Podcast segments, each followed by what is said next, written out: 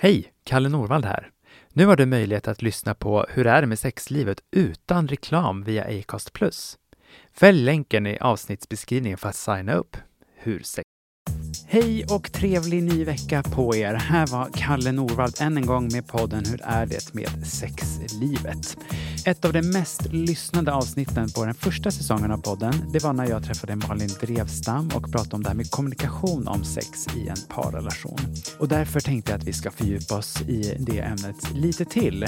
Jag har bjudit in psykologen och författaren Siri Helle för att prata om detta.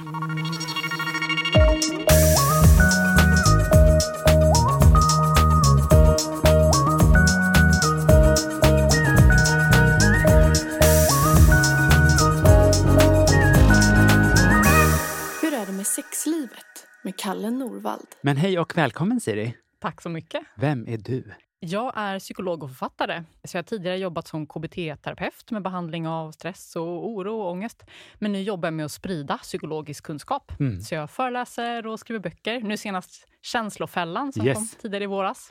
Så du är min fellow liksom folkbildare här? Ja. Exakt, exakt. Jag skriver också för 1177 och Folkhälsomyndigheten om Visst, ja. psykisk hälsa. ja. Men nu ska vi prata om någonting. Något helt Ja. annat. Ja. Ja, för sig, det har ju kanske med stress och psykisk ohälsa att göra. Vi ska prata om feedback i sexuella sammanhang. Jajamän. Hur skulle du definiera begreppet feedback? Feedback är ju helt enkelt eh, återkoppling. Mm. Att man får veta hur det man gör landar. Och Det kan ju vara i jobbsammanhang Ja. eller när man försöker lära sig någonting nytt eller man har en ny hobby eller sådär. Men såklart också när man samspelar sexuellt. Mm. För vi är ju inga tankeläsare och vi har alla olika preferenser och erfarenheter. Så för att det här samspelet ska funka och bli härligt för alla inblandade så behöver vi ge varandra feedback. Ja, för hur många har man inte träffat i terapisoffan som tänker att men min partner borde förstå? Exakt. Eller att så här, det här har ju funkat tidigare så jag kör på. Ja, den klassikern. brukar ja. uppskattas, ja, ja, ja, absolut. Det här är ju sällan någonting som vi har fått lära oss. Det kanske inte togs upp under sex och samlevnadsundervisningen när vi gick i skolan. inte, va? föräldrar har inte pratat om det, utan man kanske har typ kollat på film. Ja. Och på film så är det ju alltid helt effortless. Mm. Att de bara vet vad de ska göra. Och så är det så himla lätt då att man går in med den föreställningen att nu när vi tycker om varandra eller har lust att göra det här, då kommer vi bara veta. Mm. Ja, I film vet man ju alltid vad man ska göra, för de handlar utifrån ett redigt färdigskrivet manus. Ja, så himla Eh, Men verkligheten är ju inte riktigt så. Va? Nej. Jag sa det i inledningen till dagens podd här med att eh, förra säsongens eh, mest lyssnade avsnitt var med Malin Drevstam och handlade om just kommunikation kopplat Mm. till sex. Det verkar vara många som tycker att det är klurigt att prata om sexualitet överhuvudtaget. Ja men verkligen. Att just vi har inte fått träna på det. Och när man ska göra det, det är ofta det kanske mest intima. Man känner sig väldigt sårbar Mm. och man vill inte såra den andra. Och precis som med allt annat så handlar det ju om övning. Eller hur? Övning, övning, övning. Men ja, det kan vara svårt att ta första steget. Men jag tänker också att det är viktigt att understryka då att kommunikation eller feedback i sängen, det handlar ju inte bara om det verbala. Nej. Utan eh, att det kan ju vara det verbala, att man säger så här, ah, men jag tycker verkligen om när du gör så här, Mm, eller att mm. man säger eh, mer, eller eh, kan du göra det här istället? Det kan också vara kroppsspråk, att man eh, drar den andra till sig eller eh, flyttar en hand eller sådär. Och sen kan det ju också vara såklart stön eller Mm, andra ljud. Verkligen. Nu när jag lyssnar på det så tänker jag att det också är så mycket kopplat till den här diskussionen om samtycke i sexuella möten. Att det behöver Mm. inte alltid heller vara ett verbalt ja, utan alla de här exemplen du också gav med kroppsspråk och hur man rör sig och låter kan ju också verkligen vara en källa för samtycke. Ja, och det var så himla tydligt tyckte jag när den eh, lagstiftningen kom och folk var så här, vadå, ska man behöva Precis. skriva under med bank-id? Ja, Och då är man så här, åh lilla vän, Ja, du har inte vad har du lärt dig? Nej, återkoppling sängen. det är också den diskussionen. Man, det var någon offentlig man som sa, "Ha, nej, nu får man inte ens prata med kvinnor utan blir anklagad för övergrepp. Och då tänker man, men vad har du lärt dig om att vara kommunikativ? För det är ju också en form av feedback.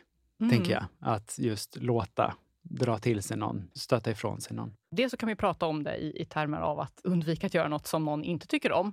Men sen också såklart att guida någon till att Mm. göra det där som är precis rätt. Mm. Och hitta de här sakerna som vi båda tycker om att göra.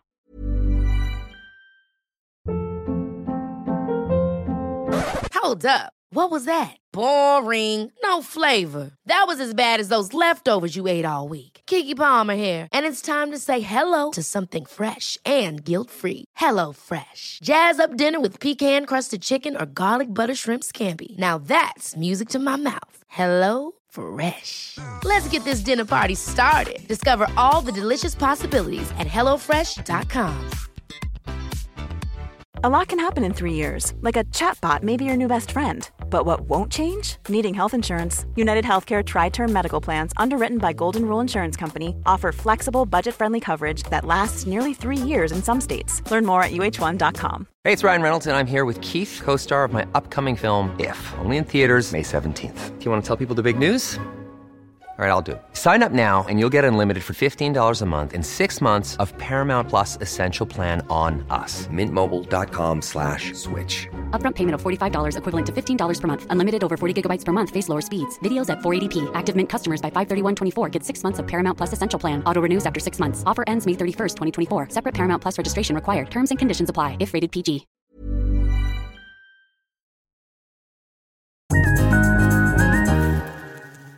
Man brukar ju särskilja på den positiva och negativa feedbacken. Just Mm. att positiva, det är det man vill förstärka och den negativa feedbacken är kanske det man vill omarbeta eller tänka om eller göra om. Och det är ju verkligen såklart i de här sammanhangen där en sak kan vara jättelustfylld ena sekunden och sen den andra sekunden inte. Och att man kan samtala kring det. Och eh, när jag är ute och pratar om feedback, nu brukar det främst vara då organisationssammanhang och Ja sådär. men du, det går att översätta allt. Ja, men det är verkligen så. Det är verkligen så. Då pratar man ju inte längre så mycket om negativ feedback, utan snarare Mm. om korrigeringar. Ja. Inte bara så här, gör inte det här, utan testa att göra så här istället. Mm. Eller ska vi pröva det här? Mm. Och att det är så mycket mer informativt än att bara få veta det man inte ska göra. Ja, nu hör man KBT i dig. Yes. Ska vi avslöja hemlisen? Varför är positiv feedback mer framgångsrikt än den andra? Vill du, eh, vill du ta den?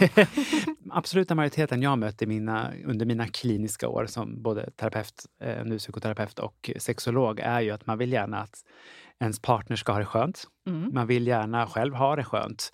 Och om man då får komplimangerna eller det positiva så är man ju också mer mån om att upprepa det och göra det mer. Eller göra samma sak på lite annat sätt för att utforska också hur det kan vara.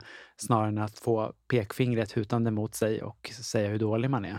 Exakt. Annars om man får veta det man inte ska göra, då Mm. kan det kännas som att det är ett, ett minfält och att man bara, att det bara blir trängre och trängre utrymme. Ja. Medan då tvärtom, om man får guidning till vad är det som funkar, vad är det jag ska göra mer, så Mm. blir det ett spännande utforskande. Mm. Har man mycket positiva interaktioner och att man vet vad man gör rätt och att ens partner gillar en och tycker om en, och, så skapar man också en grundtrygghet som gör att det är lättare att ta upp när det är någonting som skaver eller Precis som man vill ändra på. Håller helt med. Och jag tänker också möjlighet att våga utforska mer. Och alltså låta vara i känslan av nyfikenhet mycket mer när man märker att det är en trygg plats. Att man vet att i alla fall risken för att bli dömd är lägre. Sen är det klart att man ska ju inte bli toxisk i positiviteten heller. Alltså det är klart man ska kunna prata om det negativa också. Absolut. Det finns lite tips och tricks som jag tänker att både du och jag kommer avslöja. Vi tänker kring det nu under avsnittets gång. Jajamän. Jag tänker att många har ju en tendens att dra åt sig det negativa mycket starkare än det positiva. Precis. Vi människor har ju det negativitetsbiaset, brukar man säga. Alltså ett, ett negativt filter. Mm. Att även om vi på medarbetarsamtalet får höra jättemånga saker vi har gjort bra så är det den där enda grejen, det där utvecklingsområdet, Mm, som vi mm. bär med oss. Det etsar sig liksom fast i hjärnbalken på något vis. Precis. Så man har ju sett då i forskning att för att vi människor ska känna oss trygga och accepterade i en situation, oavsett Mm. om det är på jobbet eller i sängen, Mm. så behöver vi ha mångdubbelt mer uppmuntran och positiv feedback än korrigerande. Och det här är ju verkligen någonting som man kan buffra upp. Så när du tänker någonting positivt, eller sådär, ge, ge en komplimang. Säg vad du tycker om. Mm. Visa när det är skönt. Mm. Och gör det återkommande. Alltså man kan se det lite som den här eh, leken, du vet, gör man nyckel? Gör man nyckeln? Det är en väldigt så basic eh, lek som man kan göra med, med barn. Ofta. Okej. Att man så här, gömmer en nyckel någonstans i rummet. Ja. Fågel, fisk eller mittemellan kan man också Ja, kalla det. ja, det har jag lekt. Ja, men precis. Ja. Och sen ser det så här, ja, varmare, Ja, precis. varmare, varmare. Och sen så, så här, ja men nu är det kallare. Och så blir det så himla tydligt då vad det är som leder rätt. Och genom att ha då den här kontinuerliga positiva feedbacken. Ja, och just då i benämningen av varmare i det här fallet. Då. Exakt. Så kanske man inte ens behöver ta upp någonting liksom, korrigerande eller sådär. Mm. Det är ju spännande ordval du gör nu tycker jag, det här med korrigerande. Mm. Kan du inte berätta lite mer hur du tänker kring det? Ja, men där tänker jag helt enkelt att fokusera på vad är det du skulle vilja ha istället. Vad är det som skulle kännas bra, Mm. som skulle vara hett? Och att sätta ord på det eller visa det. Eller om din partner smeker dig på ett sätt eller på ett ställe som eh, inte ger så mycket, att, att flytta handen eller säga till eller sådär. Ja, jag slängdes tillbaka i minnesbanken här till ett par där ena parten kände att all feedback blev det negativa. Det var ett heterosexuellt par. Det var han som upplevde att han gjorde alla fel man kunde göra. Mm. Och även när hon sa vad fin du är så tänkte han nu, nu säger hon det där bara för att Kalle säger åt att vi ska jobba med det positiva. Ja. Att det blir liksom den här automatiska tanken att man är kass. Nu berodde det på en historia mycket präglad av mobbing, men att det ändå blev all form av feedback eller kommentar blev tolkat som negativt. Just Att det det. fanns inte heller utrymme för korrigering. Och då blir det ju kämpigt alltså. Då blir det kämpigt. Då låter det som att det är en del, ett symptom på, på ett större besvär som man ju också kan jobba med på andra sätt och kanske Ja. individuell terapi. Det var så det blev för det här paret faktiskt. Han gick i terapi hos en annan och sen fortsatte vi våran treenighet då i parterapi och det blev bra till slut. Men för hans partner så hon vågade ju liksom inte säga någonting till slut för att hon var så rädd att kränka honom. Och tystnad är ju sällan en bra form av feedback eller kommunikationsstil. verkligen. Utan det blir ju verkligen ett försvar då för att då blir liksom själva sakfrågan så känslig att man inte vågar. Hur tänker du att man skulle kunna göra för att liksom närma sig den känsligheten? Men jag tänker att det lätt blir så just om man känner sig obekväm med att ja, både då sätta ord på när någonting känns bra eller ta upp när någonting skaver. Att man går och bär på det länge. Mm. Och Mm. att problemet växer och man tänker på det här mer och mer. Man kanske pratar med sina kompisar om det. Ja, Och sen så när man väl då ska ta upp det så är det sån himla stor liksom, ångestboll. Och det blir jättesvårt. ja. Jämfört med då om man tar upp det direkt. Och då alltså fokus på vad skulle jag vilja ha istället. Ja. För det här paret, om jag ändå ska avslöja hur det slutade, så blev det ju för honom att han kom just till den insikten i sin egen terapi då, av att han hade den här inre kritikern som aldrig tog semester. Vilket var ett, verkligen ett skydd för honom. För att oavsett vad han fick för feedback eller kommentar från sin partner så tolkade han det ju som negativt. Och han tänkte att Nej, men om jag bara skyddar mig och tar det som negativt så kommer jag klara mig bättre när hon lämnar mig. Så han var ju liksom Mm. redan i framtiden på att det här kommer ta slut. Medan hon då upprepade gånger sa, men jag har ingen motiv. Varför ska jag gå? Jag vill ju vara med dig. Ja, Eh, Så han fick ju börja lita på sig själv och på henne. Att våga ta emot också det positiva. För det blev Mm. jätteobehagligt för honom. Just det. Men eh, det lät som att det var ett lyckligt slut. Det blev ett lyckligt Ja, slut. Och varför jag tänkte just på dem nu, det var för att jag bara för några veckor sedan fick ett, en bild på deras lilla nyfödda bebis. och de, eh, nu måste man inte skaffa barn för att det ska bli ett lyckligt slut, men för dem var det en viktig grej. Mm, Eh, och de mm. ville ju klara upp de här trubblarna innan de skaffade barn. Och Mm. då var det ju verkligen ett kvitto på att nu var- det ju löst. Mm. Eller mer löst i alla fall. Sen är det klart att de här hjärnspökena kommer på besök lite då och då under livets gång ändå. För det är också en vanlig föreställning tycker jag med. Jag vet inte vad du tycker, men att man tänker att hjärnspökena liksom typ dör och blir utrotade. Men de kan ju komma på tillfälliga besök i lite olika former resten av livet. Absolut. Och jag tänker att ha hjärnspöken är ju en del att vara människa. Som Eller sagt, hur? vi har ju det här negativa filtret över tankarna. Men vi kan hitta olika strategier för att hantera dem. Men om möjligt då att, att ta upp saker så tidigt som Mm. För att då är de ofta mindre Mm. och lättare att hantera. Men jag tänker också att om man tycker att det här känns tufft och att det är jobbigt att ta upp saker man vill förändra, att man börjar med det positiva. Mm. Att man börjar med att sätta ord på det som är bra. Mm. Det är så skönt när du, eller gud jag tyckte verkligen om när du. Och om man börjar där och bygger upp den här vanan då att prata om sex, Mm. så kan det också vara lättare då att, att längre fram sen börja lägga in de här sakerna man vill testa att göra annorlunda. Precis. Det blir ju som att man lägger någon liten grund för att bygga ett hus. Och att eh, viljan att kommunicera och mötas blir liksom den här, du kan inte bygga hus, men att det blir liksom betonggrunden någonstans. Ja, eller vilket ja. material man gör, gör husgrunden med. För att just kunna prata om plussen och minusen på ett Mm. konstruktivt sätt. Jag menar, det finns ju också en anledning att vissa vill komma i parsamtal jättetidigt i relationen. Att de kanske varit ett uttalat par liksom bara några månader. Mm. För att de vill bygga grunden så stabil som möjligt. Och det händer att vissa par eh, säger att man säger, men det här är ett nederlag att vi behöver gå i parsamtal så tidigt i relationer. Men jag tycker att det är väldigt positivt för att man just då kan lägga en stabilare grund. Ja, men verkligen. För jag tänker det är ju den här, om det finns en, en, det är en liten vinkel eh, i början då när man står mellan två vägval. Liksom. Mm. Eh, och om man lär sig komma in på, på rätt väg från början Ja, så är det en liten riktningsförändring som krävs. Medan då om det går lång tid, då kan det vara väldigt stora förändringar som Ja. krävs. precis. Så alla ni som är nykära och nyetablerade som par, börja prata om det här på en gång. Men jag tänker också på din kompetens inom nedstämdhet, depression och stress och så, så kan det ju också finnas många saker att börja prata om de sakerna också relation. Det behöver inte bara vara liksom själva liggandet utan också hur man är när man är nedstämd till exempel och vad man behöver i de stunderna. Absolut. Och hur man kan stötta varandra och hantera när, Mm. det, när det uppstår problem och sådär. En annan utmaning det är ju att veta vad man själv tycker om. Verkligen. För, för det, Verkligen. så kan det också vara eh, att man har tränat i det här att man ska ge den här uppmuntran och man ska visa att det är skönt och sådär. Ja. Men att det inte stämmer överens med hur man faktiskt känner. Precis, det blir en konflikt i känslan och utförandet. Liksom. Precis. Mm. Och att det gör ju också att det blir jättesvårt för ens partner. För, för hur ska den veta? Mm, vad, mm. vad är verkligen skönt och vad är ett sexigt stön bara för, för sakens skull? Precis, för det har man lärt sig att man ska göra. Mm, Mm. mm. Tänker på de studier som finns också på kvinnor i heterosexuella relationer som fejkar orgasmer. Eh, och att det är också väldigt många som fortsätter göra det under hela relationen. För att nu kan man ju inte berätta att man har fejkat i 15 år. Och att hur kämpigt det sen kan bli. Ska jag berätta eller ska jag inte berätta för min kille att jag har fejkat hela tiden? Vad skulle du ge för råd för, i de situationerna, tror du? Ja, alltså helst skulle det vara så här Prata i om det för början. 15 år sedan. Ja, exakt.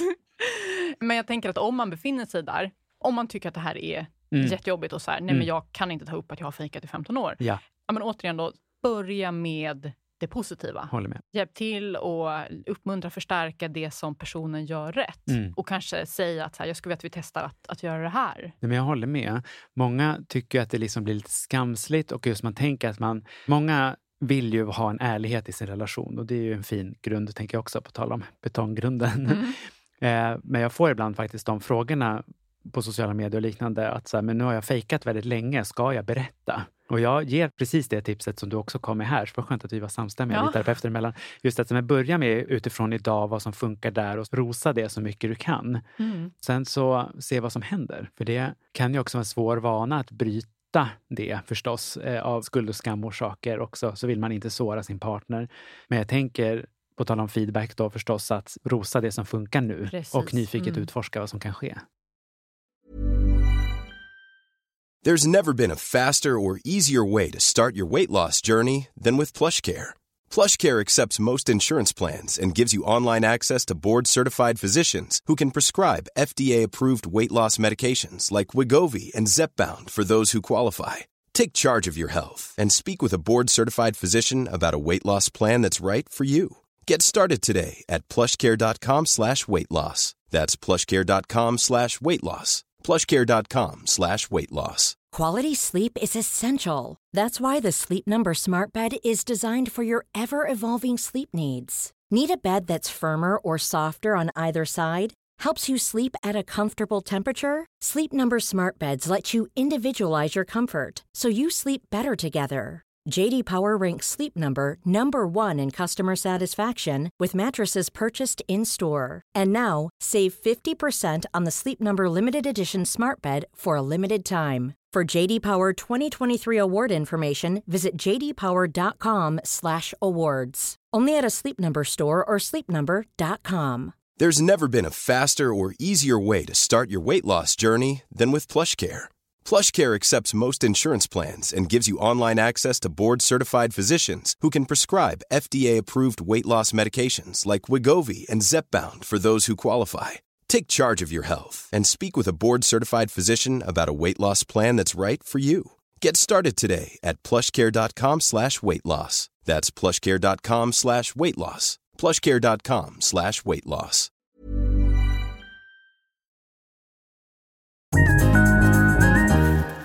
Nu, nu är det här min egen uppdelning, jag vet inte ens om det finns forskning på det här, men jag tänker att feedback kan ju ges av olika syften. Alltså att feedback som jag tjänar på, alltså som individ, feedback som min partner kanske kan tjäna på, eller feedback som relationen kan tjäna på. Mm. Vi kan i och för sig fortsätta på det här exemplet. Alltså just det här med om man har fejkat orgasm länge. Mm. Om jag tar upp den här diskussionen och ger feedback på hur vi har sex, så kan ju faktiskt alla de här tre delarna, alltså både du, partnern och relationen tjäna på det. Mm. Hur skulle man liksom kunna se syftet med feedback i sexuella sammanhang? Det är nog den frågan jag egentligen kanske är sugen på att diskutera med dig, Siri. Att, vad är syftet med feedback? Ja, nej, för jag tänker ju verkligen att både jag, du Ja. och vi Ja, tjänar på det ja, i slutändan. det är ju härligt att ha det skönt. Det är ju härligt att ge sin partner Mm, njutning mm. eh, och det gör att man kommer närmare varandra. Ja. Eh, så jag tänker att eh, alla vinner. Alla feedback. vinner, alla ska med. Ja, men, men tänker du att det finns en uppdelning där?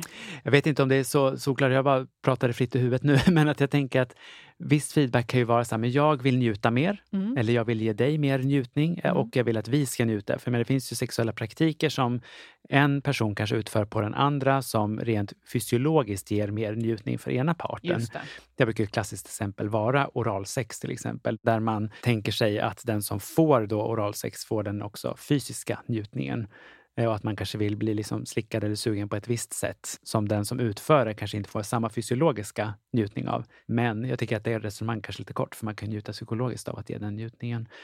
Men att där jag har märkt eh, under mina år igen att det finns liksom en känslighet att kritisera praktiker.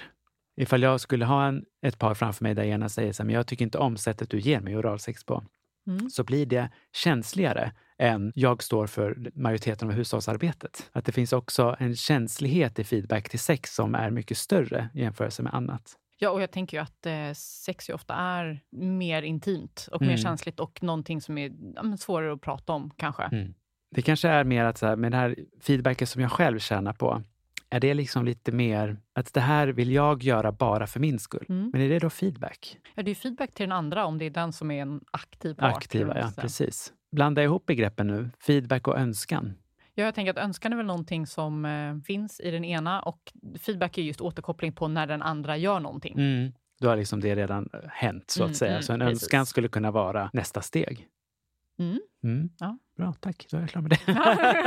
Vad man lär så länge Perfekt. man lever. Mm. Jag håller med om det här med feedback som ett, en byggsten för att liksom komma till ett gemensamt samliv, då, i det här fallet, eller sexliv, där alla får njuta så mycket som möjligt. Ifall det finns brist på feedback, vad finns det för risker med det? Ja, det är väl helt enkelt att eh, man inte får så bra sexliv som man skulle kunna ha. Mm. Ibland när man pratar om feedback så tänker folk att det är någon typ av tillval.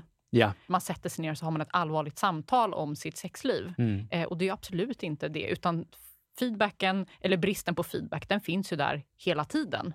Hur man svarar, hur man agerar, hur man låter. Alltså allt det är ju någon typ av återkoppling på hur, hur landar det jag gör och sådär, att du tolkar den andra. Men att genom att ge feedback som blir konstruktiv och hjälpsam så kan man ju verkligen hitta det här samspelet som tar sexlivet till nya höjder. ja. Hur tror du att man lär sig den konstruktiva feedbacken? Att lyssna på en sån här podd är väl en fantastisk... ja, inklusive när eh, man snurrar sak. in sig i egna resonemang.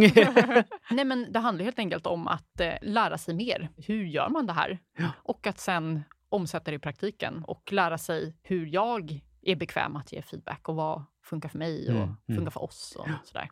Så för de personer som är lite känsliga för feedback, som kan ta det, som den här mannen jag pratade om tidigare, som upplever sig liksom överkörd och kritiserad.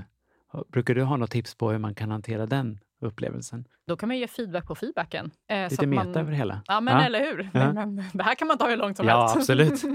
Nej, men att man eh, berättar hur man upplever det. Mm. Det här med jag-budskap såklart. Att, ja, men när du säger så här så känner jag att, skulle du kunna göra så här istället? Och det skulle ju kunna vara då att om man upplever att den andra ger väldigt mycket korrigerande feedback till exempel, eh, skulle du istället kunna säga vad du vill ha snarare än det du inte vill ha Mm, till exempel. mm. I din bok Känslofällan, nu ska vi inte prata exklusivt om den kanske, men jag kan inte låta bli. Där pratar du ju en del om just nu hur känslor absolut är liksom en form av sanning eller sin egen upplevelse, men att de inte alltid är grundat på en objektiv sanning. Ja. Ish. Mm. Hur skulle vi kunna applicera den tanken på det här? Känslor är ju viktiga signaler. Ja, Vi har ju dem av en evolutionär anledning för att Verkligen. de hjälper oss att agera ändamålsenligt i olika situationer. mm. Att när vi eh, blir nyfikna eller upphetsade, då vågar vi oss fram och undersöker. Medan om vi blir eh, rädda så drar vi oss tillbaka och spänner oss och sådär. Mm. Och eh, i många fall så ger ju känslorna viktiga signaler och Ja. guidar vårt beteende. Att om någon går över dina gränser till exempel så kanske du drar tillbaka. Det kan ju vara väldigt hjälpsamt. Men ibland är ju våra känslor felkalibrerade. Jag vet att du har pratat tidigare om om man har jobbiga erfarenheter och Mm. sen så träffar man en ny partner så utgår man från att nu kommer det här hända igen. För det känns som att det kommer Precis. hända igen. Men så behöver det ju inte alls vara. Nej. Utan all data pekar på att det här är en fin person, Ja, ja. det här kommer bli hur bra som helst. Och då kan det ju vara läge att Istället för att då agera på känslan rakt av. Att, att känna in känslan. Oj, nu märker jag att jag spänner mig sådär, blir orolig. Men hantera den på ett annat sätt. Mm. Jag, tänker, jag som har utbildat mig inom affektfokuserad psykoterapi så jobbar man ju ungefär så där också. Även fast det är åt det mer psykodynamiska hållet så finns det mycket gemensamma nämnare såklart. Eh, att man just pratar om att de här känslorusen som kan komma, exempelvis när man får en korrigerande feedback, om man liksom börjar bli den här självtvivlande personen, så är ju det också en emotionell respons som man har lärt sig någonstans. Kanske har man haft en förälder eller vårdnadshavare som bara har gett korrigerande feedback och aldrig varit positiv till exempel. Mm. Exakt, den kanske inte ens har gett korrigerande feedback utan bara negativ. Ja, bara ännu bättre exempel. Ja, Precis, ja. för att då har man liksom bara blivit nedklankad hela tiden. Mm, mm. Och då har man också svårt att se det positiva, både med sig själv men kanske också med relationer överlag. Mm. Och att då är det klart att det aktiveras i kropp och knopp på något sätt också när den situationen upprepar sig. Vad man tror i alla fall att den gör. Mm. Och hur gör man då? Jo, psykoterapi. ja, men jag tänker också att man kommer väldigt långt på att jobba med det här hemma, just att lära nytt. Verkligen. Eh, och, och, har man varit som man varit i relationer, andra relationer eller i den relation man är just nu, mm. att enda gången vi har pratat om sex, det har varit när någonting inte funkar. Det är klart, då kommer det bli laddat att prata om ja, sex. Ja. Men om man då börjar prata mer om sexet då, när mm. det är bra, det som känns skönt, så blir det också mindre laddat. Ja, jag tror att du var inne på en jätteviktig poäng förut också, att vi inte har lärt oss det här. Eh, nu har ju läroplanerna i sexualundervisningen visserligen ändrats och uppdaterats till väldigt mycket bättre höjder än vad det varit mm. historiskt sett. Så vi får se vad som händer med kidsen idag. Men vi har inte fått lära oss någonstans att verbalisera önskningar och drömmar och fantasier på samma sätt som vi fått lärt oss, ja, du och jag i alla fall i skolan, när vi lär oss ligga under stolen i matte. Liksom. Ja. Nu gör man ju inte det längre kanske, om man på miniräknare såklart. Men om man liksom har svårt att sätta ord på det inför sin partner så brukar jag ofta tipsa så här, men skriv det blir lite ett steg framåt, men samtidigt en möjlighet för oss att sitta och i alla fall för oss själva sätta ord på vad det är man önskar. Och sen är det ju frivilligt, men jag har haft många par som sedan har läst upp det för varandra. Man har ja. sina ord och sen läser för varandra, för det är i alla fall ett, ett sätt att komma närmare det positiva. Alltså just då skriva det man vill ha. Ja, och det är ju toppen verkligen. Mm. Att sätta ord på det själv först kan verkligen underlätta att, att ha tänkt igenom det så att man sen kan framföra till ja, någon annan. Jag brukar köra på klyschan, sexet börjar med dig själv. alltså just att om man har någon form av självmedkänsla eller självinsikt över vad man tycker om åt något håll i alla fall. Mm. För jag har ju också mött jättemånga av det du exemplifierade förut, att man tänker att så här, nu, nu feedbackar jag på det sättet som jag tänker att det ska gå till. Mm. Eller att jag, tycker, jag ska tycka att det här är skönt och då signalerar jag det. Mm. Men så är det ju inte för alla. Alltså jag har ju också träffat jättemånga, när jag jobbar på ungdomsmottagningen, unga tjejer i det här fallet som inte alls gillar liksom penetrativt eller omslutande sex, men mm. hade den typen av praktik, för det var det som förväntas av dem. Och så gjorde de allting som man ska, inom citationstecken, men det var ju inte alls det de ville. Nej, och det är ju inte bra för någon inblandad. Och det tänker jag också att man kan fråga sig själv om min partner bara skulle låtsas eh, tycka att det var skönt. Hur, ja. hur skulle det kännas? Ja. Antagligen så vill man ju hellre ha då en autentisk kommunikation så att man kan mm. göra mm. det den andra tycker om. Ja. Och att man själv då visar sin partner samma omtanke. Ja, omtanke. Ja. Det var väl ett fint ord i sammanhanget. Jag tänker också att det är ju en jätteviktig ingrediens för att det ska hålla över tid. Att man vill varandra väl. Man kan ju se på feedback som en möjlighet för den andra. Det kommer att vara väldigt svårt för den andra att ge dig det du vill ha om du inte på något sätt mm. visar mm. eller tar upp eller sådär. Mm. Och jag tänker, vi har ju pratat nu om, om, olika typer av feedback och då kan det vara bra att säga att ofta i en ny relation så är det ju ännu viktigare att vara så explicit som möjligt i sin feedback. Just för att man vet inte alls vad den andra tycker om. eller sådär. Och då kanske det är ännu viktigare att vara tydlig, säga rakt ut, fråga mer. Och sen när man hittat då ett samspel och har lite bättre pejl, då mm. kan man vara lite mer subtil i sina signaler. Jag brukar också ge tipset till både individer och par i mitt terapirum. Just att så här, tycker man också att det är svårt att ge feedback eller exponera sina känslor eller önskningar, att inleda med att säga nu vill, nu vill jag säga någonting som jag tycker är svårt. Mm. För att någonstans också lägga grunden och tillåta den andra att liksom spetsa öronen och vara mer närvarande. Nu tycker jag att det här är svårt, men jag vill ändå säga det för våran skull. Det är klart att inte det tar bort allt det svåra, men det underlättar ifall man är engagerade i varandra när man byter den informationen. Verkligen. Och det är väl också jättebra att göra så tidigt som möjligt i en relation. Men också för er som lyssnar som har en långvarig relation så går det ju att lära sig. Absolut. Tack och lov. Ja, och, och, nu har vi pratat om eh, den här omedelbara feedbacken, mm. är ju mm. den som ofta är lättast att omsätta i praktik och sådär. Ja. Men jag vill ju också slå ett slag för att eh, prata efteråt. Bra, berätta mer. Nej, men att eh, ligga där och pusta ut och säga så här, återigen då, så här, börja ös på med det positiva. Mm. Vad var det som var nice? Mm. Jag tyckte det var så sexigt när du, det här var så skönt och så vidare. Och så vet man, gud vad bra, det här Ja. ska jag göra igen. Och inte bara säga så här, vad skönt det var. Det, eller så här, det är väl kul, det, Det kan man säga. fint, ja. Men det blir blir svårt att veta vad är det vi Ja. ska göra igen. Ja, under de här sju minuterna vi låg med varandra, vad var det som var skönt då? Mm. Mm. Mm. På tal om explicititet, att just vara noga i de stunderna. Att Ja. berätta att det var just när du hade armarna där som såg du väldigt het ut. Och att man då också, om man ger positiv återkoppling och sen så lyfta någonting så här, nästa gång ska vi kunna testa att göra det här. Ja, för nyfikenheten tar ju inte heller slut. Nej, att nej. Den kan man ju också krydda på genom att prata på det viset. Mm. Många tycker att det är svårare att prata om knullet än att knulla. Ja. Många tänker sig att mystiken försvinner. Eller att då känns det inte lika naturligt. Men det är ju också två ingredienser för att det kan isolera sig till någonting väldigt destruktivt på sikt. Ja. Om man tänker att så här, tystnad och det ska bara ske. Mm.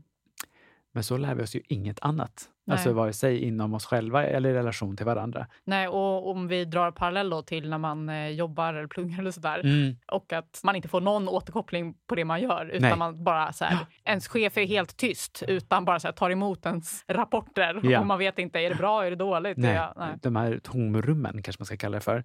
När man inte vet. På tal om det här, vad, du sa som fint ord, med det här negativitetsbiaset. Ja, Då har vi ju en tendens att fylla det med ganska mycket mörka fantasier om vad chefen exempelvis tycker om mina rapporter. Mm. Eller vad den jag precis låg med tyckte om mitt utförande av valfri praktik. just det. Att då har vi en tendens att snabbare gå till negativitet än det positiva. Ja. Ever catch yourself eating the same flavorless dinner three days in a row? Dreaming of something better? Well, HelloFresh is your guilt free dream come true, baby. It's me, Gigi Palmer. Let's wake up those taste buds with hot, juicy pecan crusted chicken or garlic butter shrimp scampi. Mm. Hello Fresh. Stop dreaming of all the delicious possibilities and dig in at HelloFresh.com. Let's get this dinner party started.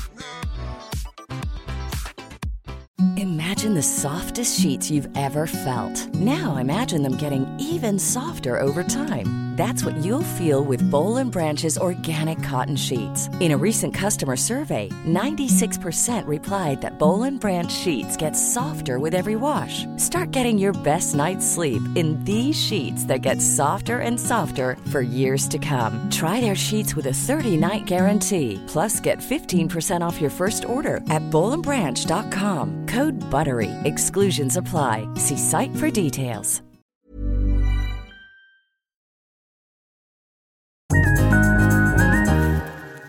Så snabba tips då. Så vad ska du tänka på när du ger återkoppling? Till att börja med, ös på med uppmuntran, det positiva. Berätta vad som är skönt, ge fina komplimanger, kontinuerligt stöd under tiden och sen tystna om det är någonting som inte är så nice. För då kommer antagligen den andra personen fatta så här, okej, det här gav inte så mycket, testa Mm. någonting annat. Och man kommer väldigt långt på det och bygger upp den här grundtryggheten. Och sen då, nästa grej, när du ger korrigerande feedback, fokusera på vad du vill ha istället. Så inte bara då att så här, jag gör inte så här, utan skulle du kunna testa att göra så här? Nummer tre, var specifik. Säg inte bara att det var skönt, utan vad det var som var skönt. För då blir det lättare för den andra att Mm. göra det igen. Och sen också, så snart som möjligt. Ja. Gärna omedelbart, liksom i, i direkt anslutning. Men annars att ni pratar om det efteråt. Mm. För låter du det gå och skava under lång tid så blir det antagligen bara svårare att ta upp Mm. det. Och sist men inte minst, öva, öva, öva. vi, vi kan inte det här från födseln, utan Nej. det är någonting man tränar på, precis som allting annat. Jag brukar dra den jättetöntiga metaforen med gym. Alltså Ja. att man går inte till gymmet och tar 150 kilo bänkpress vid första besöket. Man måste börja på mycket, mycket lättare för att sen bygga på.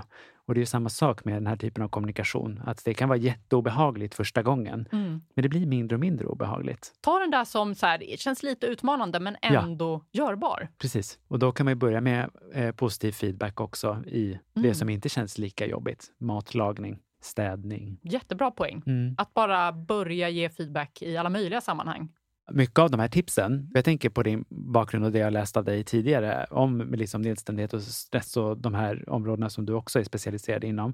Det är mycket som påminner om varandra Mm. och det tycker jag är så skönt på något sätt. Ja. Att här, det är många strategier man också kan applicera på andra delar av livet. Kommer att tänka på en till person som jag hade i terapi för ett tag sedan. Hon tyckte att många av mina tips bara, men det här har jag fått lära mig när jag gick på liksom företagshälsovården när jag var stressad. Ja. Och jag sa, ja, för det är ungefär liksom samma psykologiska verktyg som ska till också här, till skillnad från att i det sexologiska perspektivet, ja då är du naken och i relation till någon annan. Men det är samma verktyg. Mm. Och när den poletten föll ner för henne så blev det mycket enklare. Att hon Ja. liksom kunde lite copy-pasta och ta russinet ur kakan från företagshälsovården, nu kanske det låter snuskigt, men och sen in i sängen med sin partner. Hon fattade galoppen då på ett Ja. annat vis. Precis så är det. För jag tänker att om man ska back to basics, allt det här handlar om inlärningspsykologi. Verkligen. Hur, verkligen. hur vet vi vad vi ska göra, vad som Ja. funkar i olika sammanhang? Och det är ju verkligen samma principer då, att vi gör mer av det som verkar funka och mindre av det som inte funkar eller Ja. som vi blir bestraffade för. Eller sådär. Och får vi återkoppling på vad som funkar, ja men då, då gör vi det. Mm. Vare sig det är på, på jobbet eller i sängen. Nej, men när jag snörde in mig i det här resonemanget tidigare Siri med feedback som jag tjänar på eller som min partner tjänar på eller som vi tjänar på. Jag tänker att sådana resonemang kan ju också uppstå när man ska ge feedback. Om vi låtsas nu då att jag ska ge dig feedback. Mm. Och så hamnar jag i den positionen jag hamnar i här, att jag ville säga något smart. Jag ville säga någonting som vi skulle tjäna på i vår relation.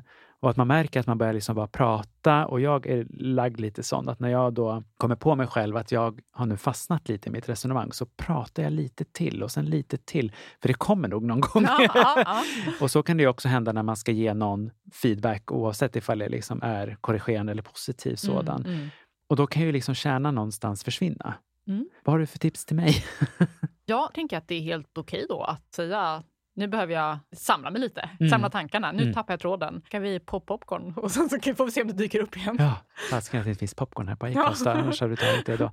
Nej, men bara så här, vi gör någonting helt annat. Ja. Många ger det här rådet att så här, man ska aldrig gå och lägga sig osams. Så himla dåligt råd. ja, jag skakar på huvudet Nej, också. men Ja, exakt. absolut. Ja. Det kan finnas en massa olika skäl till att man eh, Ja. fastnar i någonting eller att någonting känns jobbigt. Så. Verkligen. Man har sovit dåligt eller man är lite ofokuserad eller sådär. Och sen släpper man det och sen Mm. så kommer man tillbaka och då är det plötsligt mycket lättare. Och samma sak med feedback. Eller hur? Men att det inte heller är så farligt att det också ibland blir piss. Alltså man också ja. tillåter sig själv att misslyckas i det. Mm. Och att man just tar de här pauserna. Att nu går vi och äter lite popcorn eller tar vi en liten promenad eller nu pratar vi om något annat. Att det också är okej. Att så här, ge, om man vill ge en korrigerande feedback och så oj, det här blev för spetsigt. Nu blev det inte som jag hade önskat. Vi tar en paus och så kan vi ta upp det här igen om en kvart. Mm. Det är ju också en jättevärdefull läxa att gå igenom tillsammans. Mm. Och som vi pratade om, det här med att ge feedback på feedbacken. Mm, precis. Mm. Att man ändå vågar prata om vad som är svårt. Alltså prata om pratet. Mm.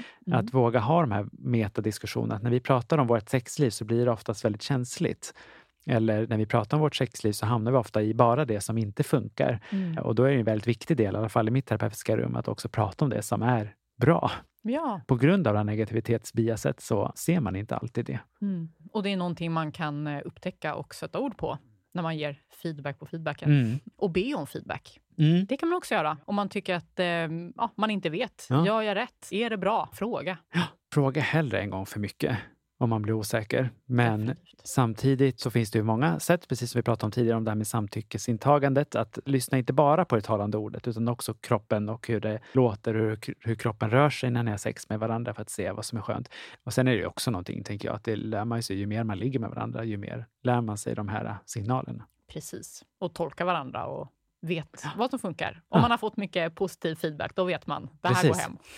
Ja, jag tänker på de här personerna också som kanske har fått mycket positiv feedback på en viss praktik. Ja, vi kan återgå till det här med oralsex, att man kanske har fått mycket positiv, att man är jättebra på ett e-oralsex och sen så ligger man med en ny person som inte tycker det. Ja, Så kan ju det också ge en liten törn i självkänslan, men då får man inta den positiva feedbacken på annat, men också den korrigerande på det andra. Alla kroppar är ju olika. Låt Mm. nyfikenheten styra mer, Mm. tänker jag. Det får bli slutorden för idag. tack så mycket. Vad ja, kul men det du, var. tack själv. Tack själv. På återhörande. Nu kommer en lyssnarfråga. Inläsaren är inte personen som skrivit frågan. Hej Kalle. Jag är 28 år och oskuld. Jag har inga problem med det och jag onanerar mycket. Andra verkar dock störa sig på att jag är oskuld. Hur vanligt eller ovanligt är det att vara oskuld i min ålder? Hej du! Skönt att höra att du själv inte har något problem med det. Och jag vill ändå belysa att det är det som är det huvudsakliga i sammanhanget. I och med att du är nöjd med situationen du själv är i kopplat till att inte ha gjort din sexuella debut så är det som är det absolut mest betydelsefulla. Alla människor har ju åsikter om hur vi beter oss och inte vad vi har gjort och vad vi inte har gjort. Och det är just det, åsikter.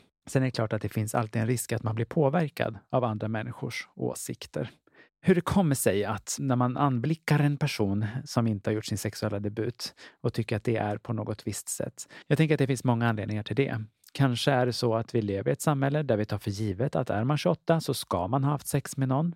Fast jag vet inte vart man har lärt sig det. Men man tänker sig att majoriteten av befolkningen har gjort det och därför även du. Jag tänker också att det är ett resultat av att eh, vi har många normer kring vad man ska ha gjort och inte ha gjort vid 28 års ålder och därför också har olika åsikter om när de normerna inte upplevs.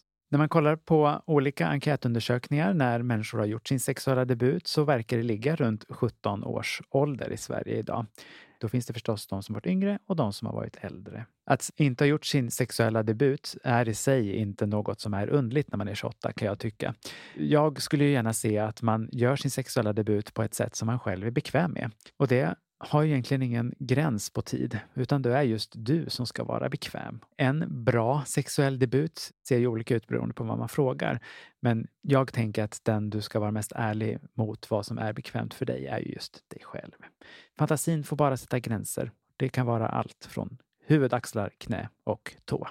Men magen ska vara med.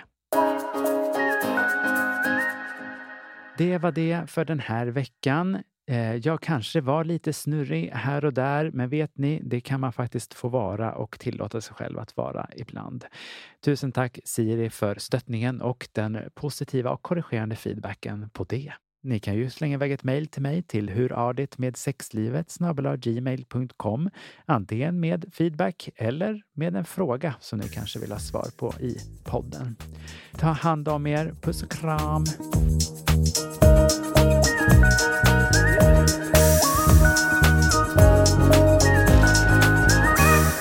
Produceras av Kalle Norvald och Nicky Yrla. Musik och ljudmix av mig, Nicky Yrla.